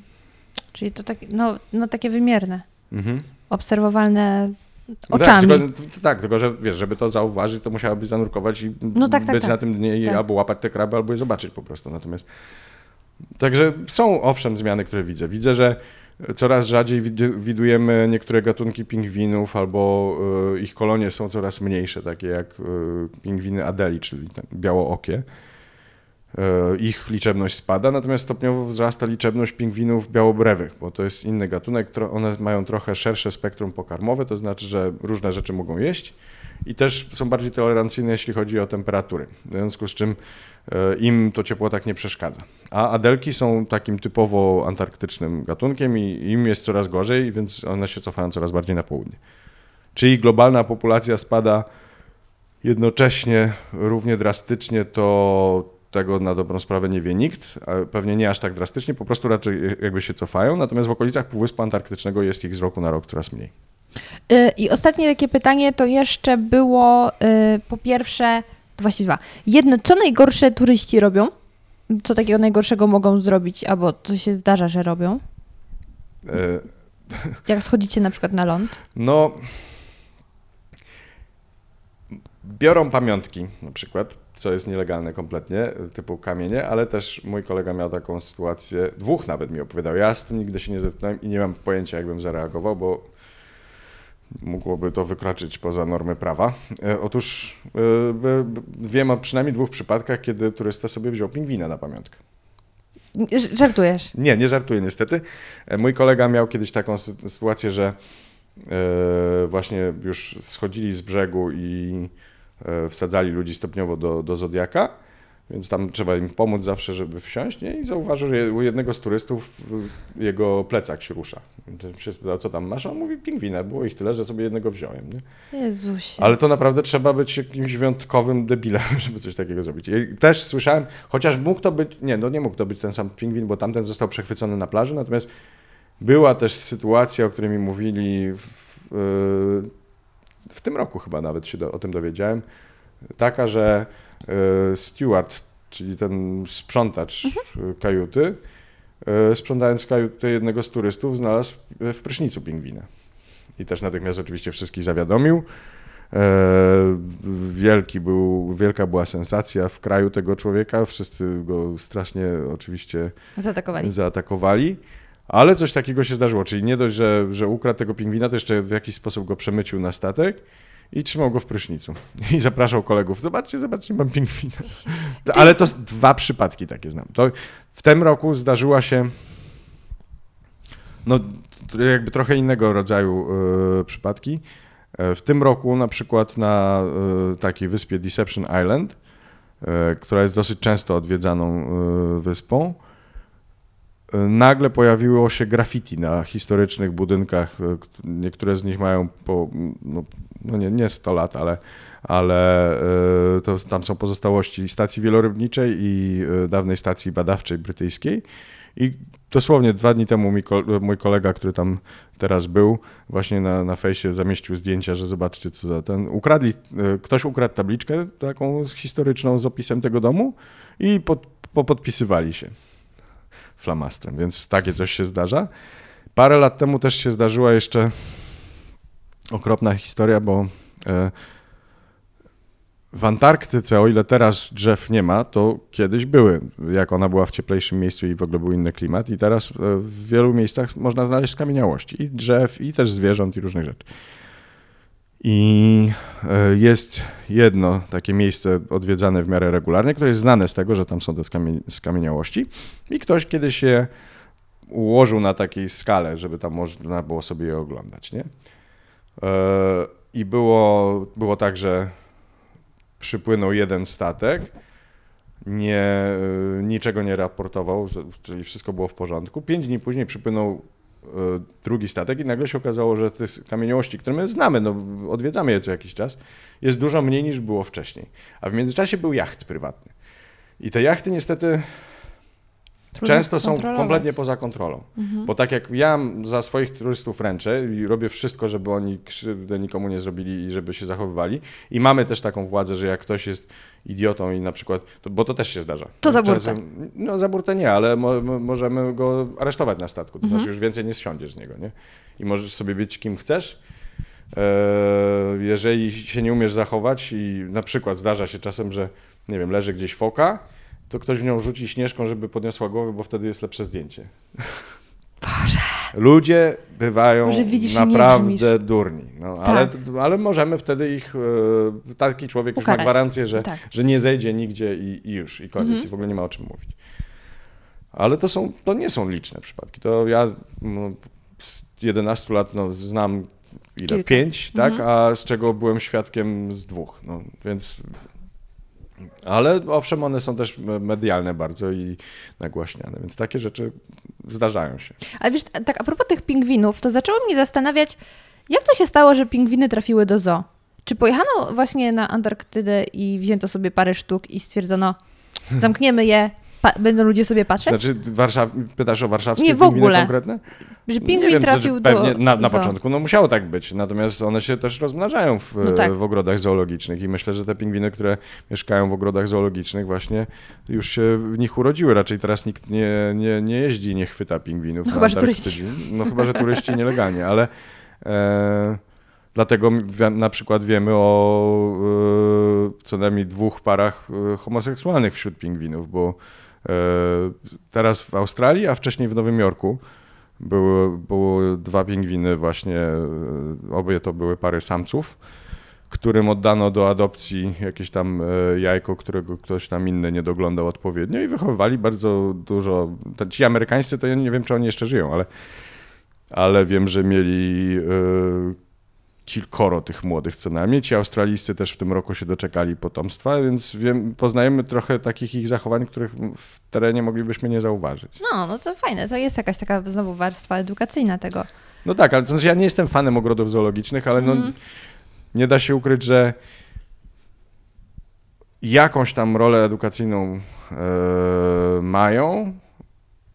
Na pewno można dzięki temu lepiej poznać niektóre zwierzęta. Pytanie, czy to warto, nie? Czy warto kogoś nie wolić po to, żeby go lepiej poznać? Tak. No i niektóre ogrody zoologiczne faktycznie biorą czynny udział w, e, w konserwacji, to znaczy rozmnażają e, jakieś tam zagrożone gatunki i tak dalej. Chociaż często niestety to jest tak, że to jest więcej w tym propagandy niż prawdy. No ale to jakby odbiegamy od tematu. Dobra, to już chyba ostatnie pytanie, które było. Jak taką wycieczkę sobie zorganizować, jak pojechać i jakie to są koszty? Ja nie wiem dokładnie, jakie są koszty, bo ja tych wycieczek nie sprzedaję. Natomiast e, też, i też to są różnice e, w ciągu sezonu. Nie? Tam szczyt sezonu to jest w okolicach Świąt Bożego Narodzenia, to wtedy są te wycieczki najdroższe. Na samym początku i na samym końcu są tańsze. Też zależy od statku, od różnych rzeczy, ale generalnie z tego co wiem, wycieczki w tej mojej firmie, w której ja pracuję, zaczynają się od jakichś 6,5 tysiąca dolarów. E, I to ile dni jest? no w sumie to jest 10 dni na statku. Natomiast e, no, mogą też być dużo, dużo droższe. Ale jeżeli się na przykład ktoś pod, y, wybierze w podróż po Ameryce Południowej i sobie jedzie do między innymi Patagonii i trafi do tego Ushuaia, to w Ushuaia zawsze są oferty typu last minute. Tam jest dużo agentów i wtedy zamiast tych 6,5 można zapłacić powiedzmy 2,5 tysiąca dolarów. To ta, cały czas jest dużo pieniędzy, ale już nie, nie, no tak, tak, nie tak strasznie całkiem dużo. nawet przyzwoite działa. No więc właśnie, więc e, jeżeli, czyli jak, i wtedy to jest tak, że tam lądujesz w tym Ushuaia, idziesz sobie do agenta i się dowiadujesz, że za trzy dni wypływa statek, jeszcze nie mają kompletu miejsc, więc można je wyjątkowo tanio kupić. No i wtedy te trzy dni musisz sobie zaczekać i ten. Czyli jak ktoś ma, to często tak bywa, jak masz więcej czasu, to możesz mieć mniej pieniędzy, bo masz większą elastyczność, nie? E, jak to zorganizować? No nie wiem, czy mogę podawać nazwy firm, ale Proszę. tak, no moja firma nazywa się i uważam, że jest najlepsza, e, dlatego z nimi pracuję, bo pracowałem z, z różnymi firmami, ale od właściwie pięciu lat już z nikim innym, bo sprawdziłem kilka innych i najbardziej lubię z tymi pracować. Ona się nazywa Quark Expeditions, to jest firma e, kanadyjska i można na pewno od nich bezpośrednio kupić, ale wiem też, że w Polsce sprzedaje przynajmniej jedna firma te nasze wycieczki i to jest firma Prestige z Krakowa. Prestige. E, tak, i, i e, to są te, które ja znam. Na pewno są też inne, ale No to moi drodzy, znam. jeśli chcecie, to, to już wiecie, gdzie szukać, bo y, ja polecam. Ja polecam cię, no bo y, Wam się na pewno miło słucha, a mnie się bardzo miło rozmawia, bo widać u Ciebie tą pasję i że Ty żyjesz tym. Dlatego ja Ci już myślę na koniec bardzo mocno życzę, żebyś jak najdłużej miał zdrowie, które pozwoli Ci jeździć i czerpać z tego garściami, bo to jest fantastyczne, jak o tym opowiadasz i no jak to przeżywasz wszystko. Także bardzo Ci dziękuję. Ja bardzo dziękuję za zaproszenie. I jak wrażenia? Jestem bardzo ciekawa, czy tak właśnie wyobrażałeś sobie życie na polskiej stacji antarktycznej, a także czy podczas słuchania tego podcastu wrzuciłeś już do skarbonki dyszkę, żeby powoli zbierać na wycieczkę w takie piękne krainy. Wszystkie linki z dzisiejszego odcinka znajdziesz na stronie podcastradioaktywny.pl. Pamiętaj, że jeśli podoba Ci się to, co robię i nie wyobrażasz już sobie poniedziałków bez podcastu, to możesz wesprzeć mnie za pośrednictwem Patronite, patronite.pl ukośnik zmacznego. Nie ukrywam, że Twoje wsparcie jest dla mnie dosłownie na wagę złota. Tak naprawdę obecnie tylko dzięki patronom mam szansę nagrywać kolejne odcinki. Jestem w kontakcie już z kilkoma osobami, z którymi bardzo chciałabym nagrać podcast, bo wiem, że ich historia z pewnością Wam się spodoba ale podróże niestety kosztują i nie na wszystkie te tematy będę mogła sobie pozwolić. Także jeśli chcielibyście mi pomóc, to zapraszam Was na Patronite'a. Tam znajdziecie wszystkie szczegóły, a także nagrody, które wiążą się z wspieraniem podcastu. Pamiętaj, że znajdziesz mnie na Instagramie zmaczne.go oraz podcast podkreśnik radioaktywny, a także na Facebooku fanpage podcast radioaktywny slash zmacznego. I to tyle. Bardzo dziękuję i do usłyszenia już niedługo.